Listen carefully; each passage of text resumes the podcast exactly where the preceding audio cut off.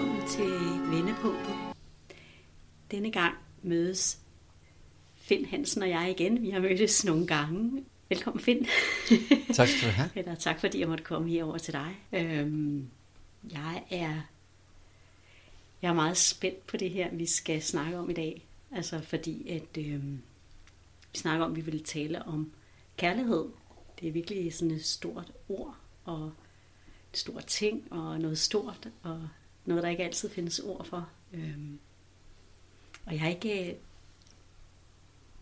har ikke tænkt så meget, men jeg ved ikke rigtig, andet end at det måske var sådan, hvad er kærlighed, eller hvad er kærlighed for dig, og så kunne vi udfolde det derfra. Jeg ved ikke, om du vil lægge ud, eller om... Jo, altså sådan lige med det samme, så tænkte jeg bare sådan store linjer. Jeg kan bare mærke, at man fra frem til nu, og sådan hele mit liv, så er der heldigvis for mig sket det, at mit hjerte har tur åbne sig mere og mere. Og så når jeg sammenligner med, da jeg var yngre, og hvis jeg nu øh, tænker på for eksempel, da jeg mødte den første kvinde eller unge pige, som jeg var i seng med, hvor at, at jeg var 15 år, altså bare som sådan et eksempel, så var der ikke meget hjerte, altså kan jeg bare huske, jeg kunne ikke rigtig, det handlede om noget andet, og det, vi, vi kender alle sammen det der med, når vi er unge, vi er jo ligesom umodne, og det er måske en del af det, især for de unge drenge, eller der er ikke meget kontakt øh, til hjertet. Og øh, det var der i hvert fald ikke til mit, og alligevel kan jeg bare huske, at jeg, det var sådan et telt, Nexø Camping, og øh, efter vi havde sammen, det der med at gå til havnefest og drikke for mange øl, og det er også en god måde at bedøve sanserne på for øh, især unge dreng. Og så det der med, at jeg alligevel, jeg tænkte lidt over det dengang, fordi jeg, jeg blev super sårbar efter, altså lige kort tid efter, vi havde været sammen, og jeg fik orgasme. Og har jo ikke dengang overhovedet tænkt i, at der sker faktisk noget med hjertet, øh, når man får en orgasme. Og kunne slet ikke, jeg måtte bare ud og gå en lang tur. Det var lyst om morgenen jo, det var, jeg ved ikke, den har nok været fire, tre-fire stykker om morgenen, så det var begyndt at blive lyst. Så jeg forsvandt, kan jeg huske, fra teltlejren i flere timer, kom først hjem op i formiddagen. Fordi det var, og jeg havde jo ikke nogen ord, jeg kunne sætte på, andet jeg var nødt til at, at være mig selv, og, og sidde ude ved vandet og ved havet. Og mm. Det er først efterfølgende, at jeg har tænkt over, åh, oh, der må være sket noget med det lille hjerte dengang, ikke? Mm. som har våget sig ud, og jeg kunne ikke rigtig bære det, sådan tænker jeg nu. Ikke? Det er nemmere at se, se på det som en hjerteting, når jeg kigger tilbage. Mm. Og så øh, fortsatte jeg så øh, den der bedøvelse, når jeg gik i byen resten af det lang tid efter. Ikke? Fordi det kan jeg jo se nu, det er nemmere at se nu, ikke? at det er en måde, at, for mig var det en måde at beskytte mig på, beskytte mit hjerte på, fordi det var så sårbart i virkeligheden. Mm. Og øh, Ja, bare som sådan et eksempel, og så er der jo sket alt muligt. Så er livet jo kommet i mellemtiden, og øh, alle de der små ting, der sker i livet, og øh, hvad vil jeg, at få børn, og blive skilt, og blive forelsket, alt sammen det med til sådan at modne et eller andet, ikke? Jeg synes faktisk, det er meget, at det... Altså, jeg blev meget optaget af, at du sagde, at, øh, at den seksuelle, eller seksualiteten, eller også kan åbne hjertet, ikke? Altså det, eller hvad det var, det var imellem jer, da du var ung der, 15 år, ikke? At du, der skete noget i dit hjerte, som, som gjorde, at du trak dig, ikke? Altså sådan, ja. synes jeg faktisk er meget smukt, fordi det er tit, det bliver sådan adskilt, ikke? Som enten eller. Altså, men at det egentlig stadig kan hænge sammen. Selvfølgelig kan man, men at det gør noget ved hjertet at have, have sex, og det kan åbne for en sårbarhed, som gør, at man begynder, man må trække sig, ikke? Altså, og så kan det blive måske vurderet af ens sind eller omgivelser, som om, at man er uden kontakt til hjertet, men måske det er virkelig så dyb kontakt, så man ikke kan være i det. Det var bare sådan det billede, jeg fik, da du sagde det. Øh, og det gør det på en eller anden måde smukt for mig, at så, så hænger øh, elskoven eller seksualiteten, altså både seksualiteten, som er sådan måske lidt mere, kan synes lidt mere rå og og elskoven sammen med det andet, ikke? Øhm, og selvfølgelig ikke at, øh, uden at ikke også respekt for de mennesker, der oplever overgreb, altså seksuelle overgreb. Øh, måske vold på hjertet, hvor det så lukker sig mere sammen, ikke? Men,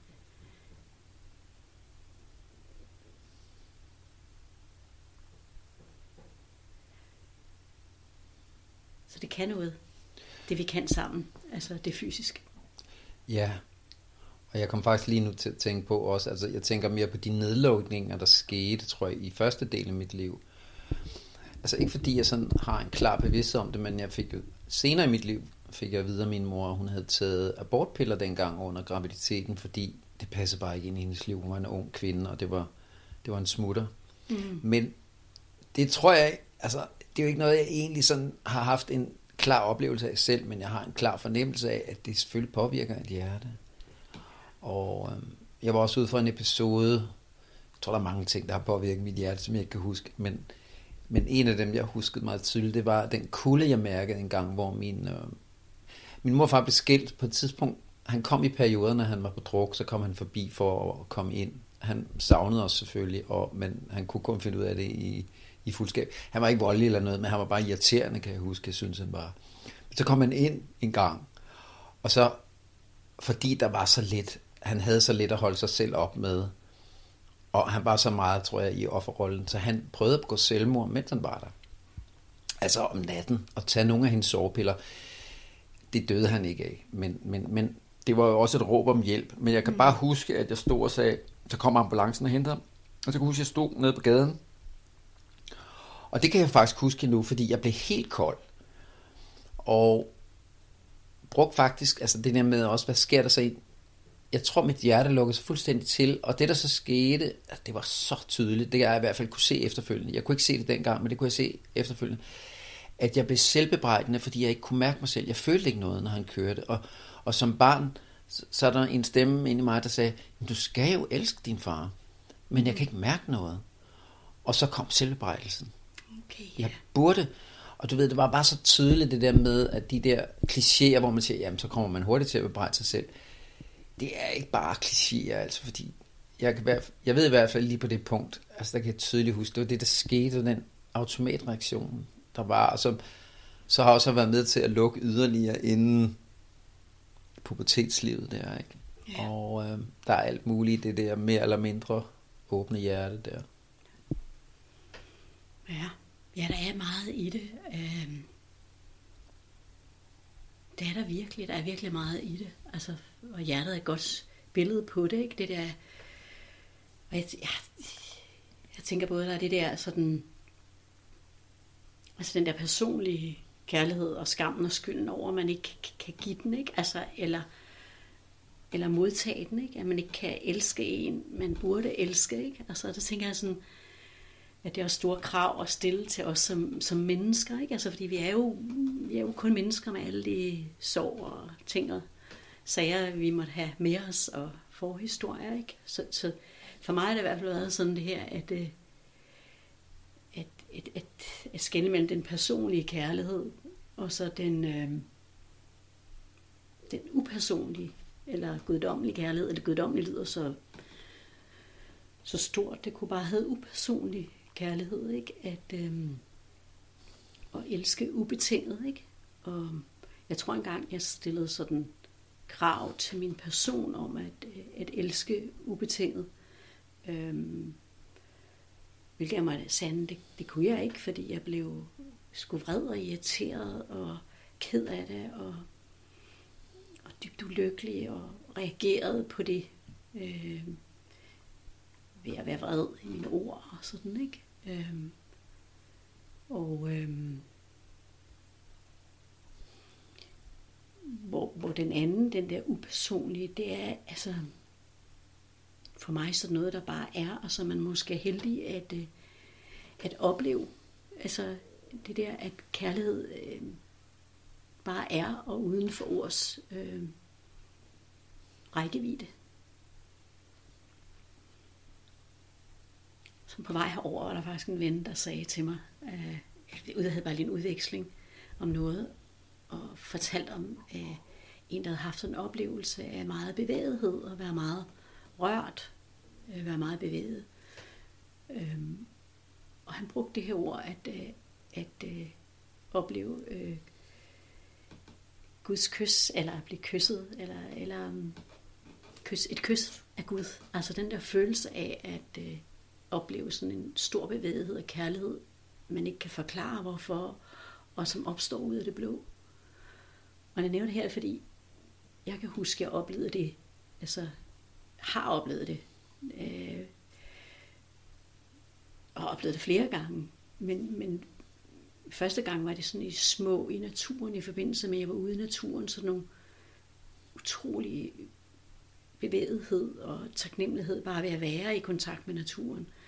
Øhm, og tilskrev det måske naturen, men, men egentlig sådan noget, jeg ikke helt kunne forklare. Og så på et tidspunkt fik jeg sådan en rigtig stor oplevelse, som lammede mig totalt øh, sprogligt, øh, og tårne trillede bare ned af kinderne på mig, og jeg vidste ikke, hvad det var, for jeg aldrig prøvet så stor en, en, en kærlighed. Øh. og der var mit hjerte åben på det tidspunkt, både da det kom, husker jeg, fordi at jeg ligesom ikke, jeg havde ikke, jeg havde ligesom ikke så meget holdt fast i længere. Jeg vidste ikke helt, du ved, hvem jeg, altså, jeg stillede spørgsmålstegn ved så mange ting. Hvem var jeg som læge, Hvem var jeg som person? Og det var jul og alt muligt var bare så åbent. Og så kom den der oplevelse der. Øhm, og jeg kunne bare ikke øh, forstå den. Øhm, og var lammet i den der bevægelighed. Og så kan jeg huske, at det jo så også lukker i igen, det her hjerte. Altså det er jo sådan en bevægelse, så længe jeg er i en fysisk krop, så er det ligesom sådan en bevægelse, fordi det førte så det med sig, at min omgivelser ikke kunne forstå, at jeg var i sådan en salig tilstand og en bevæget tilstand, fordi sådan havde jeg aldrig vist mig selv før, eller har jeg aldrig oplevet før. Så jeg kan godt forstå, hverken de eller jeg kunne forstå det. Og så reaktionen var, at øh, der må være noget galt. I stedet for, hvad er det der, hvad er det med dig? Øh, undersøgen ind i det, ikke? Men der må være noget galt. Og, og jeg vidste heller ikke selv. Og så kan jeg bare huske, at øh, mit hjerte lukkede i igen. Fordi der ikke, øh, jeg kunne ikke, øh, det kunne ikke være der. Altså, det var for stort. Måske både for stort for mig, men også altså, for mine omgivelser. Øhm, så det der med, at det åbner og lukker sig, ikke? og så når jeg først har oplevet så stor en kærlighed, så tror jeg, at jeg altså også kan have den derude. Altså sådan en, at, øh, at, at, at alt er bare vel, og alt er ok, og så oplever det, at den, den fysiske verden så er en anden, at man bliver, man bliver såret, man bliver brændt, og man bliver ked af det, eller man lader sig såre, man lader sig brænde, man lader sig blive ked af det, eller fordi der er den interaktion, så den personlige kærlighed, jeg, jeg tror ikke, den kan være ubetinget. Ligesom den der upersonlige og guddommelige kærlighed. At det, det er for store krav at stille til hinanden. Og, og hvis det er den, jeg higer efter derude, hvilket det ikke er længere. Jeg kan huske, jeg havde efter den oplevelse, jeg havde af stor upersonlig overvældende kærlighed, at tænke, den må være derude. Uanset hvor jeg kiggede, så fandt jeg den aldrig. Fordi den er bare noget helt andet. Og tro, jeg kan finde den derude og slippe det længselen efter det. Det har, det har virkelig sat mig fri, føler jeg. Så ikke noget, jeg skal have derude. Øhm. Og det var en lang snak fra min side, men det var ligesom sådan, det rørte, det rørte så meget i mig, det der med, at hvor hjertet kan åbne og lukke. Altså det vil blive ved med i, tror jeg, i den her krop, eller jeg ved ikke, om jeg kan altså have et åbent hjerte. Jeg kan mærke, at der er noget, der trækker sig sammen, og der er noget, jeg har modstand på i forhold til en situation eller et andet menneske. Altså det må jeg jo være ved. At selvom jeg gerne vil være alt fagnende, alt elskende og accepterende. Ja. Ja, jeg tror også, at øh, man kan sige, i det her liv her, altså når jeg er på den her planet, ligesom nat og dag, så åbner og lukker hjertet sig også. Øhm, og det er ligesom bare bevægelsen i det, når vi er en del af at være i en polaritetsverden, så gælder det det samme. tror jeg. Øh, det, der gælder det så det samme spilleregler, kan man sige, for hjertet, tror jeg. Og selvfølgelig ikke sådan, så er det åbent, så er det lukket, altså du ved. Men, men øh, jeg tror godt, folk derude altså forstår, hvad det er, øh, hvad vi siger omkring det der med at åbne og lukke. Og øh, jeg selv, øh, vi snakkede lige lidt her, inden vi skulle sætte mikrofoner på, at jeg har lige mødt en, som en kvinde, som virkelig rører mig. Og apropos åbenhed og lukkethed, ikke? Og øhm, så lige at snakke om, jeg vil også gerne dele det nu her, ikke? Altså, der sker det for mig i hvert fald, så kan jeg bare mærke, og det er virkelig lang tid siden, jeg har mærket sådan en åbning i forhold til et andet menneske. Altså udover, kan man sige, til den nærmeste familie, min søn og sådan noget, ikke? Så det her, så er der også de der nuanceforskelle i forhold til kærlighed, ikke? Og, øh, men når det så er her i det her polaritetsliv der, så er der en sårbarhed forbundet med den åbning, som jeg, jeg får, ikke? Fordi så kommer alle de gamle ting op, som så har ligget der længe, og siger, og hvad så, hvis du mister den? Øh, det går lynhurtigt, kan jeg se. Og jeg synes selv, jeg har arbejdet meget med mig selv, men jeg ved, fordi jeg har holdt mig væk fra parforholdsfronten fronten længe, så kan jeg jo se, at det er, og jeg ved godt, det er det område, hvor jeg bliver nødt til at kigge noget mere på det område, fordi jeg har holdt mig væk for længe. Mm. Og gjort mig, stillet mig for lidt til rådighed til livet. og, og turde leve livet, som det nu skal leves med øh, alt muligt. Mm. Og så også den der erkendelse af, hvad er kærlighed i virkeligheden? Eller jeg ved ikke i virkeligheden, det er ikke det rigtige ord, men hvad er kærlighed? Hvor stor er, hvor stor er kærlighed? Jamen, altså kærlighed er både op og ned og ind og ud, og, mm. og kærligheden rummer det hele. Det er bare en lille altså det er fordi vi får den der, vi får lyst til at, at kalde kærlighed, når vi har det rigtige, når vi er i den syvende himmelagtige. Mm. Det er kærlighed. Og, øh, og så minde hinanden om, nu når vi, vi to kan jo godt lide at filosofere, så minde hinanden om, at jamen, kærlighed er meget større end, end som så. Det, mm. det, det er hele spektret. Mm. Øh, uden at man behøver at være masochistisk af den grund, øh, og synes, at det er vejen frem. men, men bare at turde tillade, øh, at livet kommer og går, mm. øh, på alle mulige måder. Yeah. Og, øh, og at tage imod og turde slippe på samme tid, og sådan, det er virkelig i hvert fald nogle af de ting, der er sket for mig her, altså. Fordi jeg bliver så sårbar, og hvor er det smukt. Og så kom nogle af de gamle ting op. Kan jeg slippe hende? Øh, ikke fordi jeg nødvendigvis skal slippe hende med, på den måde med det samme, men det der med at slippe og turde elske og give hinanden fri på en gang. Mm. Og på den måde slippe fastholdelsen. Ja. Og det er, altså fordi jeg har fået meget mere bevidsthed på, kan man sige, og interesseret mig meget mere for, hvad vil jeg, min egen natur og psykologi. Mm. Så bliver det meget mere, altså bliver meget større et område, jeg virkelig har lyst til at dykke ned i. Jeg har lyst til at, at lære mig selv at kende. Mm. Og øhm, så det kommer jeg til med hende her. Uanset hvor vi går hen sammen, så øhm, er jeg virkelig glad. Allerede nu, når jeg sidder her er jeg lidt sårbar, for jeg, ikke, jeg har sendt en sms. Det er helt på det plan. Jeg har sendt en sms her for et par timer siden. Jeg har ikke hørt fra hende endnu. Og tænker, har jeg nu såret hende? Altså, du ved. Så helt, altså jeg er 62, og man tænker, jeg, find du i balance der, tænker jeg, ikke? Og, øh, og, så, og så, du ved, wow, du ved, og så blive taget af de der, okay, men vi har jo allerede kendt over for hinanden, når vi har siddet og snakket, og hende her, den anden kvinde, at, øh, vi har det i perioder i det her meget, altså det er ret nyt, vores møde, at vi har følelsen af at være sådan teenage-agtig. Mm. Øh, og ligesom bare stå ved det, så er det sådan der. Mm. Jeg tror nu helt sikkert, at jeg kan hente mig selv hjælp meget hurtigere, end da jeg var 15. Øh, der bliver forelsket, og det kan jeg jo huske, jeg fortalte også venner og sådan noget. Jeg, jeg kom gående på gaden, så så jeg en pige, og tænkte jeg, det må være hende. Og jeg kendte hende måske ikke engang. Og så øh, glemte jeg hende måske igen, og så så jeg en pige dagen efter, og så kunne jeg tænke, nej, jeg tror, det er hende der. Og altså den der at blive revet rundt i managen på den måde som teenager, det var jo i hvert fald dramatisk. og, øh, I hvert fald dramatisk.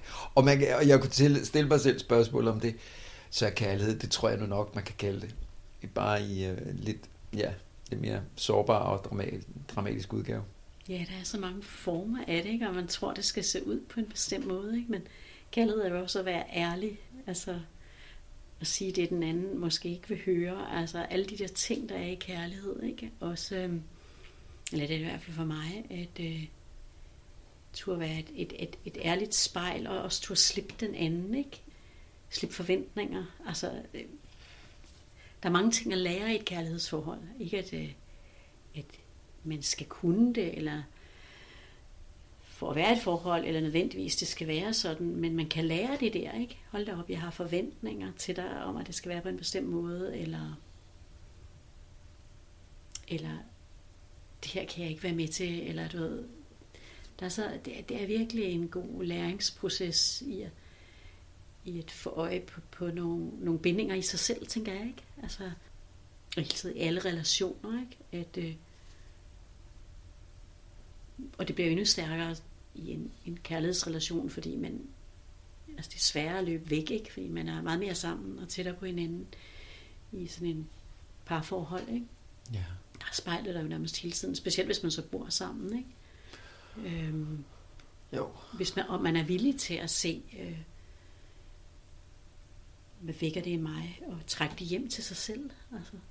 Så det er virkelig lærerigt. Ja, og jeg synes altså, man kan sige, jeg tror, vi har også haft en anden udsendelse, hvor jeg snakker om en kundalini-rejsning, som var en del af mig med en hjerteåbning der for en 18 år siden. Og øhm, jeg røg i hvert fald ind i en åbning af hjertet, hvor min oplevelse var, at kærlighed er forbundet med at give. Altså ligesom der nærmest står i Bibelen eller øh, Mm. testamentet.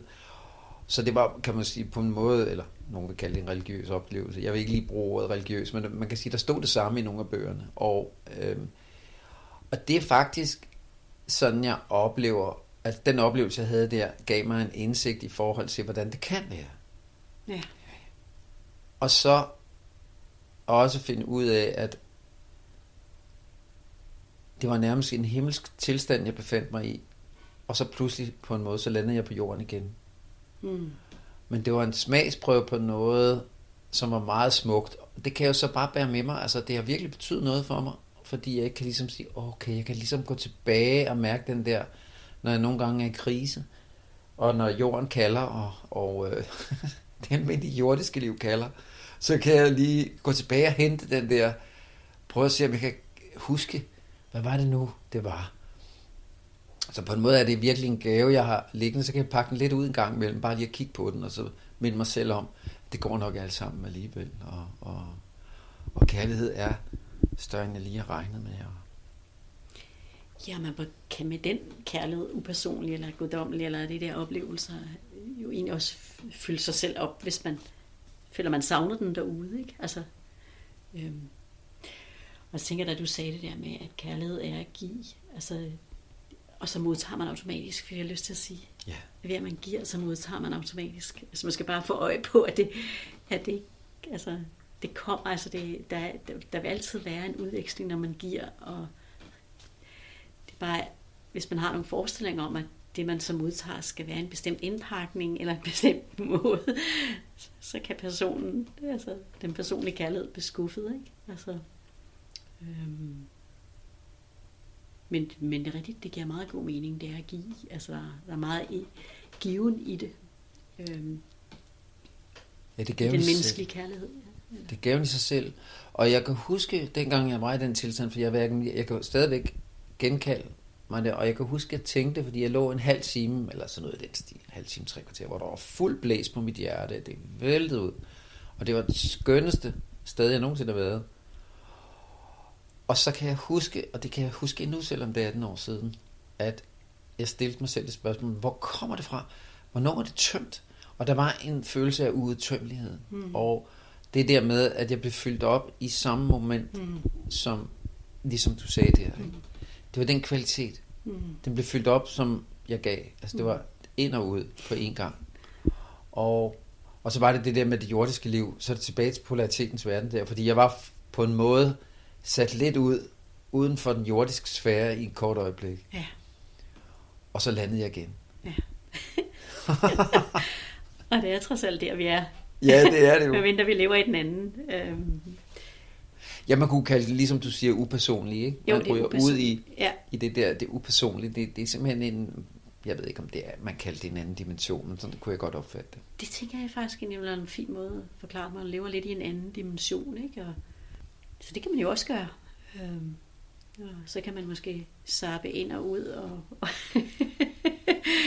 på, vores sap, sap tider. Men, men øh, det, det kan også være, at det sker helt af sig selv. ikke? At, at nogle gange så får man det der kys, altså det der guddommelige kys, eller ikke? Ja. at pludselig så bliver man bare ramt af noget, der er større end en, ikke? og det kan man gøre alene, eller sammen med andre, eller, og det er bare så, så, så fantastisk. Øhm, samtidig med, med, med, man er i, i den, ja, den polariserede verden, ikke? eller i den fysiske verden.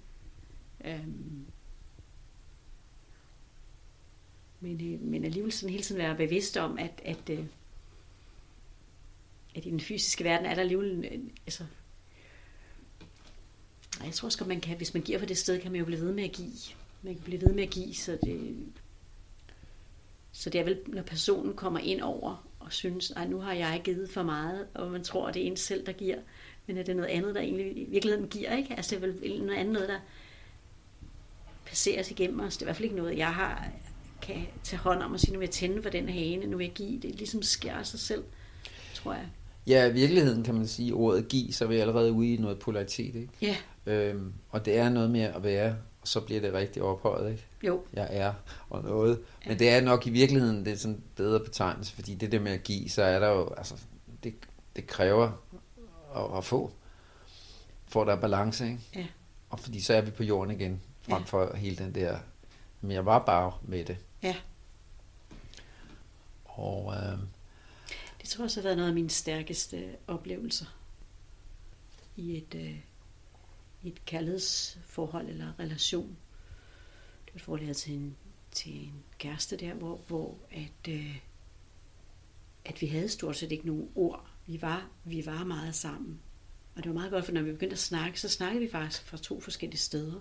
I starten var vi sammen og var bare i kontakt, og det, jeg kunne bare mærke, at nu er det meget populært at bruge energier, men jeg kunne bare mærke, der skete noget med os. Altså vi rystede, og vi, altså uden at vi egentlig udtrykte ord, så, rystede der noget i mig, og det var sådan helt ok, og det var ok for begge sider, for det skete begge steder, ikke? Og vi var bare i det, vi var bare i det, og vi elskede os på, på nogle måder, aldrig drømt om. Og øh, jeg kan bare huske, at, øh, at der var ikke mange ord, og så var der det her dybe, dybe nærvær, og en følelse af, at jeg faktisk ikke vidste, om jeg rørte mig eller ham på et tidspunkt. Ikke? Jeg kunne, ikke, jeg kunne faktisk ikke skælne, indtil jeg opdagede, at men det var jo mig. Altså, øh, jeg husker til sidst, vi engang endte i det her, jamen altså, er det sådan at elske? Øh, jeg tror, det er de ord, vi kunne putte på det. Men det er sådan nogle, nogle magiske øjeblik, der opstår, øh, hvor det, det hele bliver et, eller det bliver bare sådan, ja. ja. Ja. Altså... Jeg, altså, i forhold til den jordiske kærlighed, jeg vil sige, efter den tur er lidt overjordisk eller underjordisk kærlighed, jeg ved ikke, hvad jeg skal kalde det, i hvert fald ikke polaritetskærlighed, så skete der så også noget, synes jeg, med den jordiske. Altså, jeg kunne begynde at nuancere kærligheden, altså det der med følelsen af kærlighed i forhold til en kæreste, en kvinde, en bror, min søn. Altså, det var som om, der var nogle, jeg kunne pludselig begynde at mærke nuanceforskel Mm. i kærligheden. Og det har også været en stor gave, faktisk, at kunne, altså, at der kom nuancer på. Ja. Og det var faktisk, øh, og det er det stadigvæk, virkelig, virkelig dejligt. Det er ligesom næsten at få, hvis jeg er vant til at spise kartoffelsuppe, lige så pludselig så kan jeg begynde at smage alle mulige krydderier i. Øh, i maden. Ej, det, jeg ved ikke, om det er en god sammenligning, men det er det der med at udvide spektret. ja, det er rigtigt. Og øh, så det er en af de gaver, jeg synes, jeg har fået med. Og det var også en af grunden til, at jeg sidder over for den her kvinde, jeg lige har mødt. Sidder vi i sofaen der og og vi har en, en, en samtale kørende, og, sådan, og pludselig sådan gik, kunne jeg så mærke, at der var, i vores samtale var der noget, der gik op for mig. Nå, så var det, fordi jeg kunne mærke den her nuance af kærligheden med hende.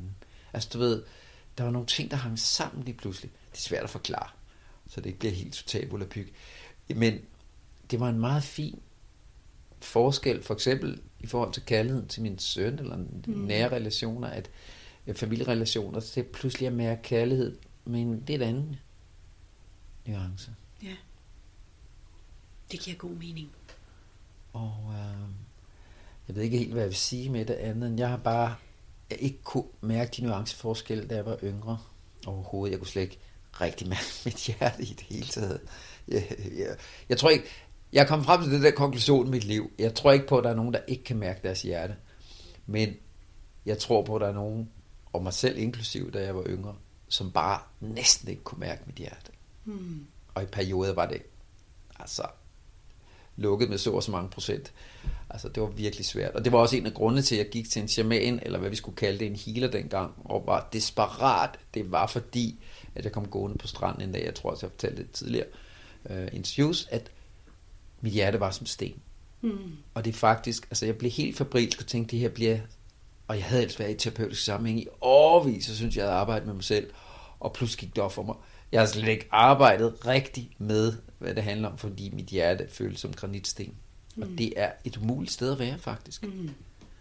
Så jeg var helt sådan, jeg blev nødt til at gøre noget drastisk. Mm. Fordi jeg var godt klar over, at det var et spørgsmål om, om jeg kunne overleve. Mm hvis jeg lukkede hjertet, og det vidste jeg, hvis det fortsatte, det, det, det, det ville jeg ikke kunne leve med. Mm. Altså det ville nok ende i en eller anden form for depression eller noget. Ikke? Ja. Det gjorde det så også, men meget kortvarigt. Men, men, men lige meget, det, det korte og lange var, at øhm, pludselig mærkede, hvor lukket mit hjerte havde mm. været. Stort set måske det meste af mit liv. Og det er lidelsesfuldt. Og når jeg fik sådan tanken, når du talte om det her med hjertet, og tænkte, altså, øhm, hjertet vil jo heller ikke have en fysisk lokalisation på den måde. Altså selvom jeg, altså når jeg sidder jeg kan godt mærke en, en varme af mit bryst, når jeg retter opmærksomheden mod det, ikke? så jeg kan godt mærke sådan en varme og en åbenhed og en blødhed i mit bryst. Ikke? Ja. Men, øh, men jeg kan huske en gang, hvor jeg lyttede til en lærer, jeg værdsætter højt, Marie Marie Trup, øh, det intelligente hjerte. Læste hendes bog der. Øh, der var det ikke sådan, jeg kunne ikke sige, at det var, altså jeg blev lidt forvirret over, at jeg skulle finde mit hjerte og lytte til det. Og det, så blev det ligesom sådan en, en mental opgave for mig at finde ud af, hvad det vil sige, øh, hjertet, og hvad det... Øh, indtil hun egentlig faktisk meget sød til sådan en åben foredrag sagde, ja, hjertet har ikke nogen nødvendigvis en lokalisation, eller sådan... Øh, og alligevel har det jo, altså på en eller anden måde, jeg kan i hvert fald mærke kraftig energi, når jeg, jeg kan mærke nogle gange større eller mindre blødhed i det område, ikke? men for mig er det med åben hjerte også sådan en åbenhed for, jeg skal mærke, når jeg mærker modstand, og så lider jeg, når jeg tager afstand eller adskiller mig fra noget eller nogen derude, øh, så lider jeg faktisk. Altså jeg kan mærke ubehag på den måde, at, øh, at det ikke føles rart øh, øh, i mig Altså, det gør det faktisk ikke. Så egentlig er det mere sådan en fornemmelse i mig, uden at den er helt præcist er til hjertet. Men jeg helt klart lider, når jeg øh, adskiller mig. Det, det er mig, der gør det. Altså, jeg adskiller mig øh, fra andre. Ikke? At jeg ikke øh, kan se det der ude i mig selv på en eller anden måde. Altså, øh, jeg tager afstand fra det. Fordi det er jo altså altid være en side i mig selv i det. Og samtidig kommer jeg så ind over det her med, at, øh, at jeg også samtidig nu bliver nødt til at tage afstand nogle gange. Ikke?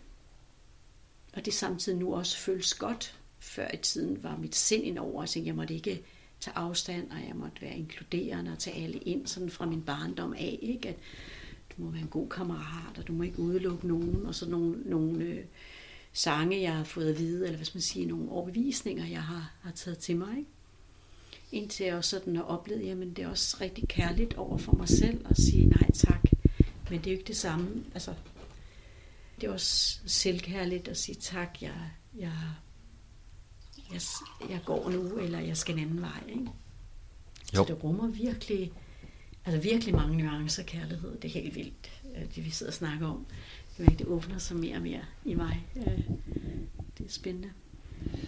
Altså jeg vil faktisk sige, nu når du nævner det, at jeg slår mig ned nu her, eller jeg, ved ikke, jeg vil starte noget virksomhed op, det der hedder spirituel vejleder. Jeg, kan sige, jeg har lavet en tekst i går, og så kan jeg se, noget af det, der manglede, det var det sorte, det mørke. Um, og fordi det er udadskilligt i forhold til menneskelivet, og i forhold til at se lyset. Hvis, altså min klare oplevelse tidligere, da jeg havde den her store tur med Kundalini, det er jo mere jeg åbner op, opad til, jo mere åbner jeg op nedad til.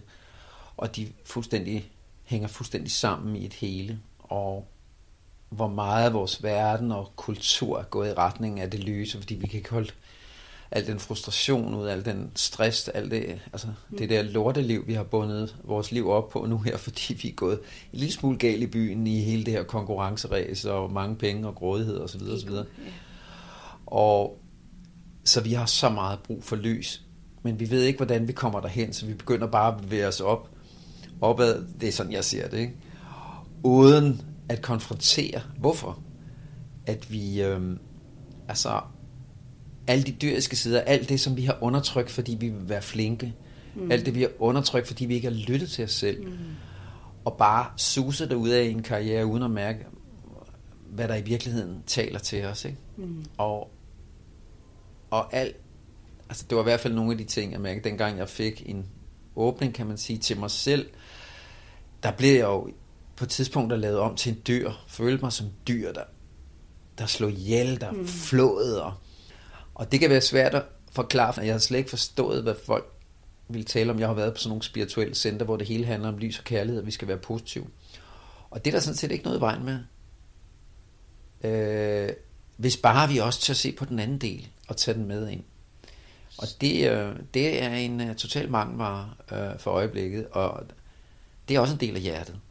Og, øh, og det er et af de største, tror jeg, dilemmaer. Det er nogle af de ting, som jeg gerne vil arbejde med folk med, det er at turde se på de sider, fordi mm. det, de, de, de hører sig til. Mm. De, de skal have deres plads og deres bevidsthed.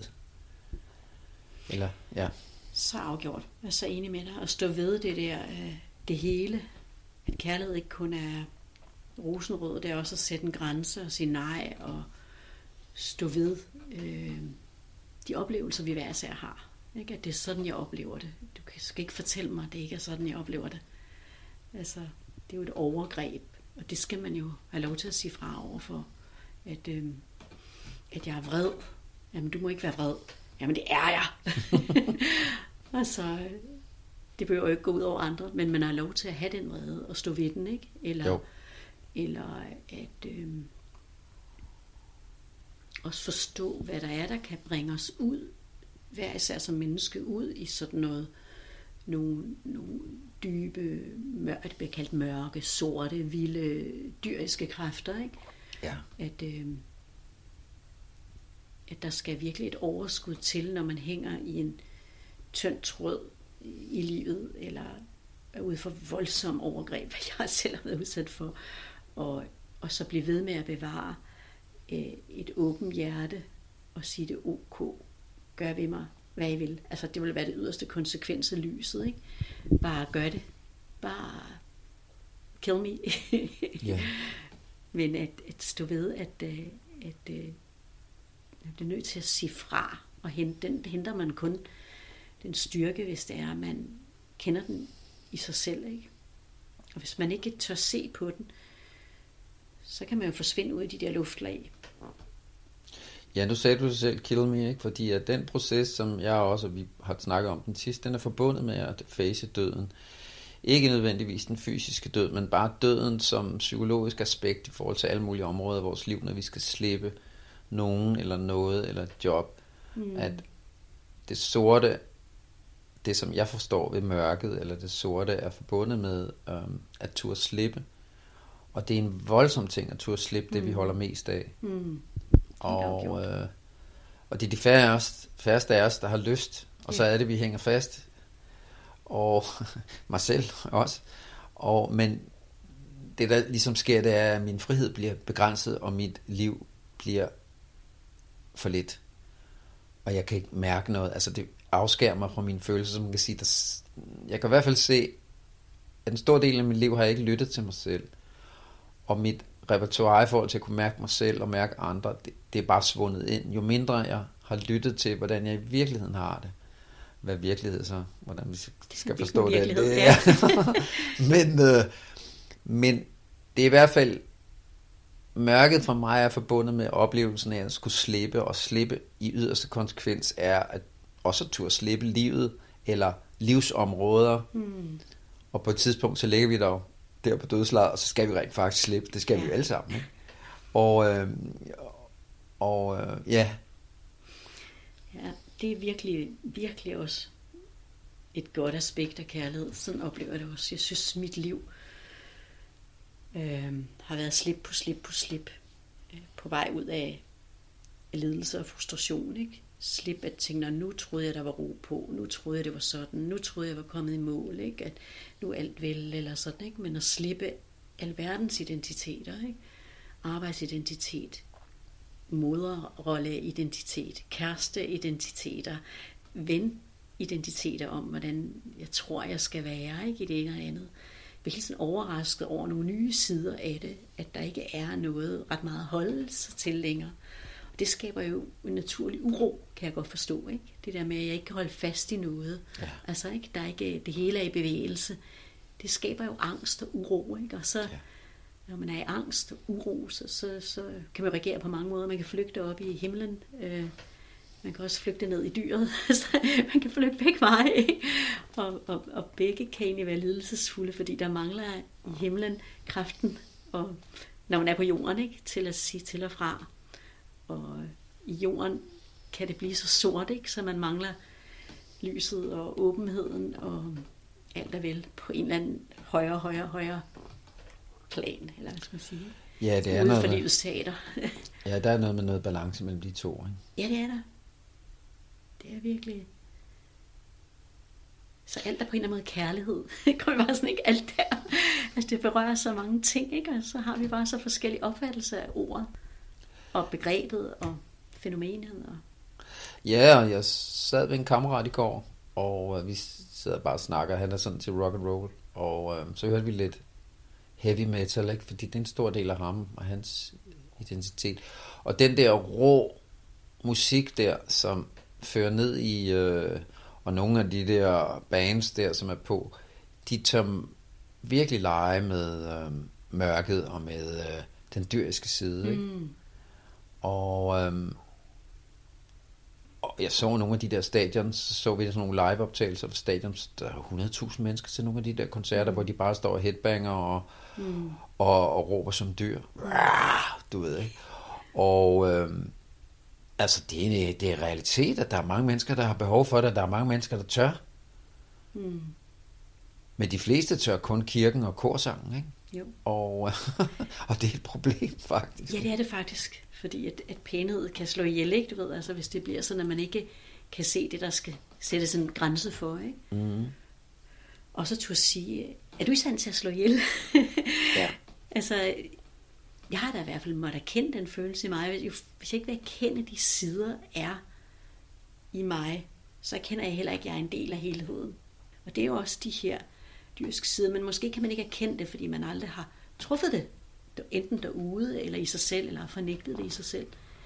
Jeg kan i hvert fald huske den der vrede, som egentlig dækkede over en dyb sorg, da jeg ligesom følte mig allermest afvist i mit liv. Dyb, dyb sorg som så den eneste måde, jeg havde lært at reagere på, øh, altså ikke den eneste måde, men nok den mest almindelige måde at reagere på i, i min opvækst, det har været øh, vrede eller accept, ikke? Der var følelsesspektret var ikke så stort, for vi snakkede ikke om de forskellige følelser, at der bag vrede kunne ligge sorg, for eksempel, ikke? Så jeg kan huske den der vrede, der vældede op i mig, da jeg blev tilbageholdt uden lægelig begrundelse og mod min vilje. Og når jeg så gav udtryk for, at jeg ville have svar, altså sådan meget bestemt, og hvorfor og hvordan, og, og jeg blev mere og mere vred, fordi der blev stille, ikke? så blev det peget ud som, at, øh, at se bare, hun er, hun er sindssyg eller psykotisk, fordi hun er vred, ikke? eller viser en følelse, altså en, der så i den grad var fornægtet eller blev gjort så forkert, ikke? men som egentlig var utrolig berettiget. Men hvor det samtidig ikke var rart for mig at være i den der vrede. Altså det er ikke rart at være i den følelse, men da jeg var det, var det ikke sådan, at jeg tænkte over det.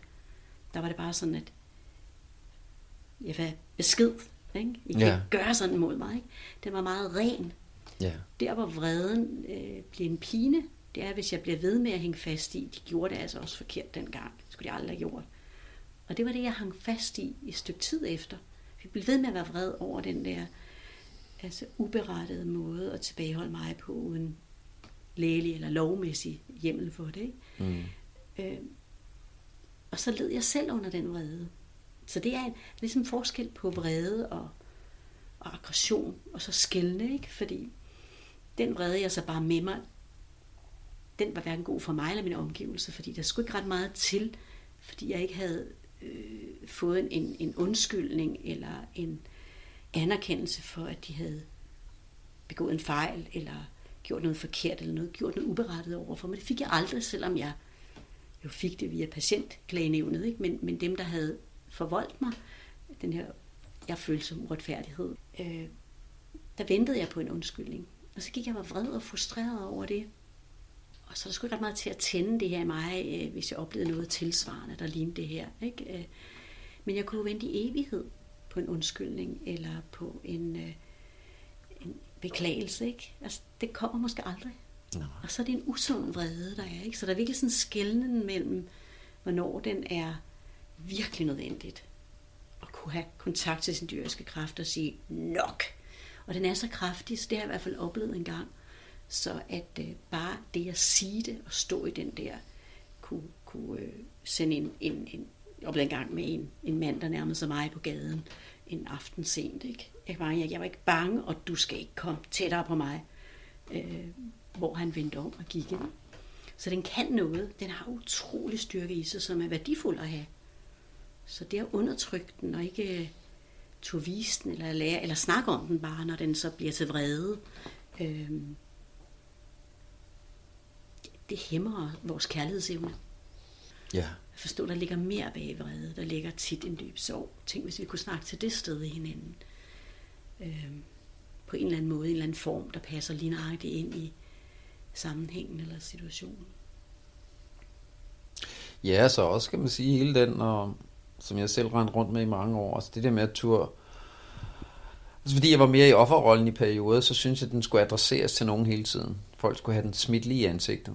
Og øh, senere hen, så fandt jeg ud af, at jeg kunne også bare nøjes med at smide den ud ude i naturen og sådan noget. Ikke? Så jeg ligesom tog ansvar for den selv i højere grad. Ja.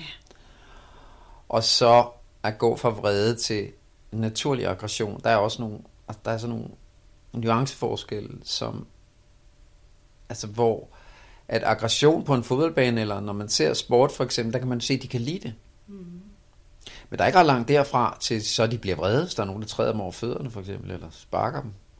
Så den ligger lige op og ned af at blive for meget eller for lidt og sådan noget. Men det er jo det, der gør det lidt spændende arbejde også med det, at, øh, og livet er lidt uforudsigeligt. Ja. Og, og, øhm, men altså dem, jeg ser som værende mest sunde, inklusiv mig selv, øh, også da jeg var ungdomsspiller, det var dem, der turde fyre den af på en fodboldbane, og også blive vrede. Og, og så slap de den igen med det samme. Ja. Altså du ved, jeg kan huske, så gik vi ind i omklædningsrummet, og jeg tænkte, du har lige været super vred, fordi jeg er selv svært ved at være vred. Jeg hed jo Flinkefind i øvrigt. Og, øh, og så jeg var, jeg var faktisk lidt farvet over, at de bare havde, havde været så vrede, uden som sådan at nævne, at, fordi jeg synes, de var ude af balance. Ja. Og senere hen har jeg fundet ud af, at det var mig, der var ude af balance. Ej, det er virkelig noget essentielt, det der. At kunne levere den og tilbage igen. Og det tænker jeg sådan på en gang, hvor jeg lavede sådan noget, nogle bokseøvelser med dig her, hvor det var, at øh, der kom den her bevægelse, og det kan man jo ikke få med her, men sådan ud og tilbage. Ikke? Mm. Altså, at der er, det hele er ok i den rette sammenhæng. Gå ud og sige stop, eller gå ud og levere den og tilbage igen, og så slip det igen. Ikke? At det, det var en markering, eller nogle gange kan det også være nødvendigt med, at, øh, at markeringen føres til ende. Ikke? At man bliver nødt til at skubbe noget væk, øhm, for, at, øh, for at der er plads til begge, men så slip det igen. Ja, så også en grundlæggende forskel i forhold til han og hunkønnen, hvis vi tør snakke om det i, denne, i disse tider.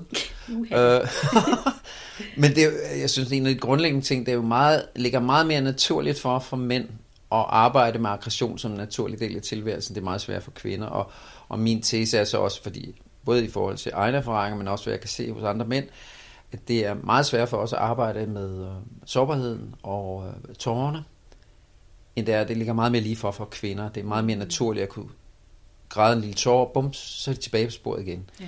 Hvor for mænd, altså det er jo skamfuldt. Der er alt muligt, der er forbundet øh, for de fleste mænd. Så altså, vi også kønne hver for sig, og, og mange kvinder vil, øh, altså det vil virkelig kunne give dem noget at arbejde med aggression i langt højere grad.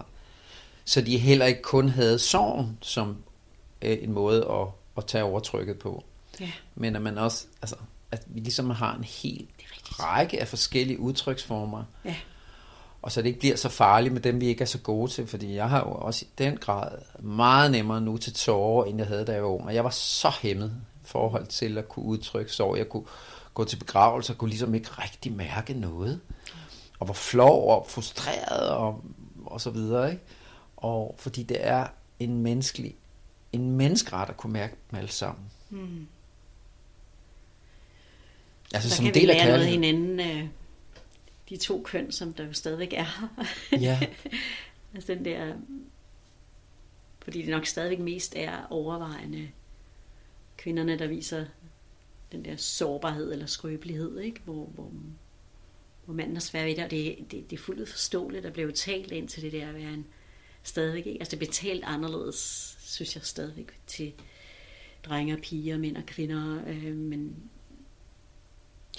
Ja, jeg synes jo, at den moderne kvinde, i hvert fald, jeg, det var så sent som her forleden, jeg snakkede med en af mine venner, og vi sad jo begge to som sådan erfarne mænd, der har været op igennem 80'erne og 90'erne som mænd, unge mænd og kvinder, og set den forskel, der er nu på, på køn og på kvinden især, som jo har udviklet sig i, i riven hast og som har alt muligt til gode i forhold til, hvad vi er mandeundertrykkelse gennem årtusinder. Ikke? Mm. Men også, at øh, vi kan tydeligt kende forskel på kvinder, som bare opfører sig som mand ud af balance, eller som en, det, man kan kalde en såkaldt powerful kvinde. Mm. Og vi ser alt for mange kvinder, der bare opfører sig som mænd, øh, og bruger øh, kraften på den måde. Fordi det er så svært, det ligger ikke så naturligt for at få kvinder, så bliver det en dårlig efterligning af en mand. Og jeg er helt sikker på, at der er mange kvinder nu, som siger, nu må du stoppe. Men altså, det, det gør jeg ikke. det er dejligt at høre det fra en mand. Øhm, jamen, jeg tror, det er det der, at øh, hvis jeg skulle prøve sådan, jeg tror, det er det der, at man har været talt så meget til fornuften og holde på følelserne, og det er jo begge køn hørt på en eller anden måde. Ikke? Jo. Så hvis du vil frem i verden og have lige så meget succes, som manden har, hvor vi var undertrykte, ikke? og ikke ja. rigtig fik lov til det samme, ja øh, så må du være sådan, ikke? Ja. Så de har jo bare lært, at det er sådan, de skal være, ikke? Og nu ja. er, det, er det vel egentlig alle mennesker, så kommer vi tilbage til, at der ikke er forskel på køn, ikke? Jo. At, at vi skal alle sammen lære både at uh, kunne være sårbare og, og turde stå jer selv og vise aggression på den der sunde måde at sige stop eller nej tak. Øhm. Ja, og jeg under kvinder, jeg tænker dem, som så også kommer ud og bliver, som jeg betegner som en dårlig udgave af en mand, de trods alt tør komme ud af, af den gamle skal. Det kræver sgu også mod, ikke? Yeah.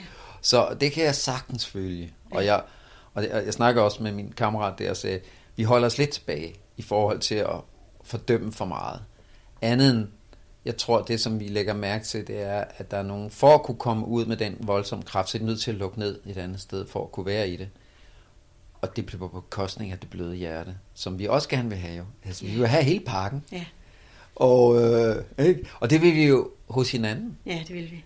Vi vil have en, naturen, vi vil have det vilde, og vi vil have alt det der, blødheden og det hele på en gang, og det er, det er også en ordentlig, det er en stor pakke, og, øh, og vil have, men det er ikke for lidt og for langt. Ja, vi har jo nok forskellige billeder på, hvem, man har jo nok forskellige billeder på, hvad man vil have. Men Præcis. jeg kender godt det der, ikke? Præcis. at øh, jeg tror, det er sådan meget den der naturlige, eller ægteheden i, eller ja, at være sig selv, slippe at være sig selv med alt, hvad det indebærer i, i forskellige situationer. Ikke? Og, og det er jo også, det er jo virkelig at være, give slip og være fri, ikke?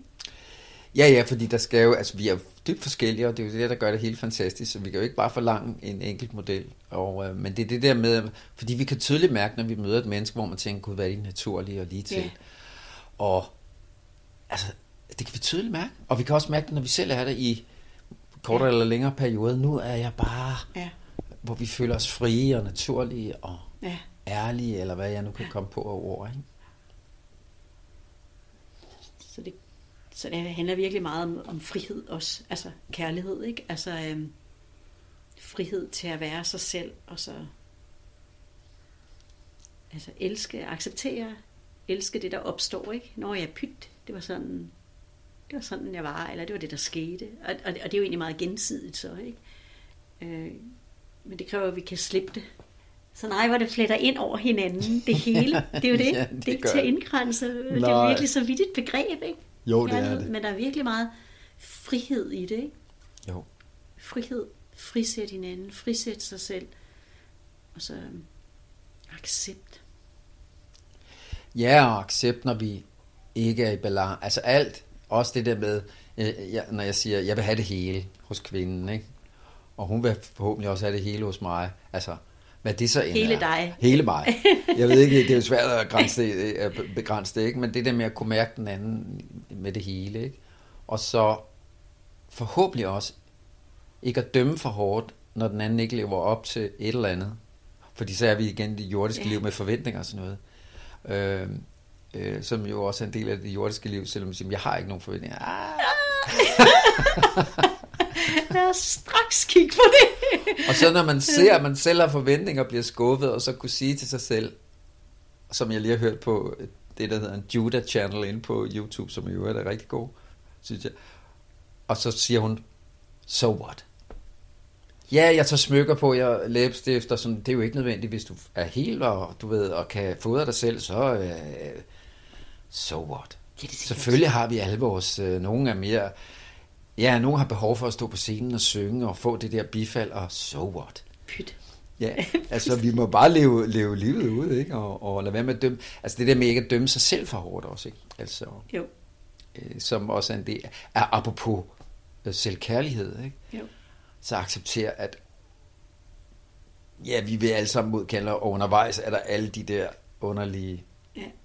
Og vi vil kunne se det i os selv, altså forfængeligheden, ikke? Altså Ja. det med at tage ej, øh, første date, eller hvad det nu kan være, ikke? Ja. Hvad skal jeg tage på, eller ikke skal tage på, eller et eller andet, ikke? Altså forfængeligheden i den fysiske, men også forfængeligheden ikke i at øh, altid vil vise sin sårbarhed, ikke? Altså det er jo bare, alt er jo virkelighed, altså for mig mere mere bare et spejl på mit indre, ikke? Altså alt det, jeg vil elske derude, er, jeg tager afstand fra ude af noget, jeg tager afstand fra i mig selv. Og hvis vi er et, så vil det jo være sådan, ikke? Men, men at jeg kan ikke se det, fordi jeg er nogle gange så begrænset i mit udsyn, i min krop og i mine forestillinger og forventninger, alt det der, jeg er blevet programmeret med, ikke? I så ja, tid. Men tænk bare at kunne snakke om det, ikke? jo Så, jo, altså, og også når der er allermest ild på. Nej, jeg vil ikke se det. ja, og forskellen er så stor, som man Eller siger, sårbarhed. det, ja, og- ja, sårbarhed, ikke? Og så det der med, øh, ja, det er det virkelig at kunne rumme det hele, det, ja, jeg, jeg er blevet bedre. Jeg ser også, jeg er også på vej.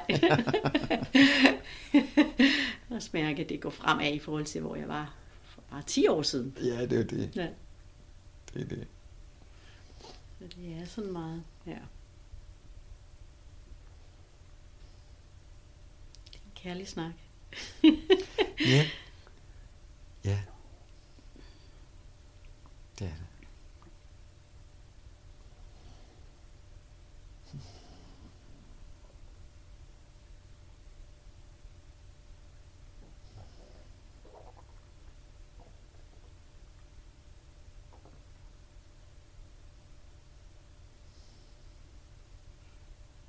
Egentlig sådan meget tom lige nu.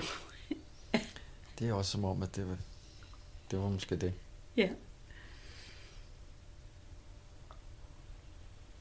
Ja. Vi slutter. Ja. Tak for snakken. Selv tak. Vi kommer Ja. helt sikkert tilbage til flere. Jo, jo.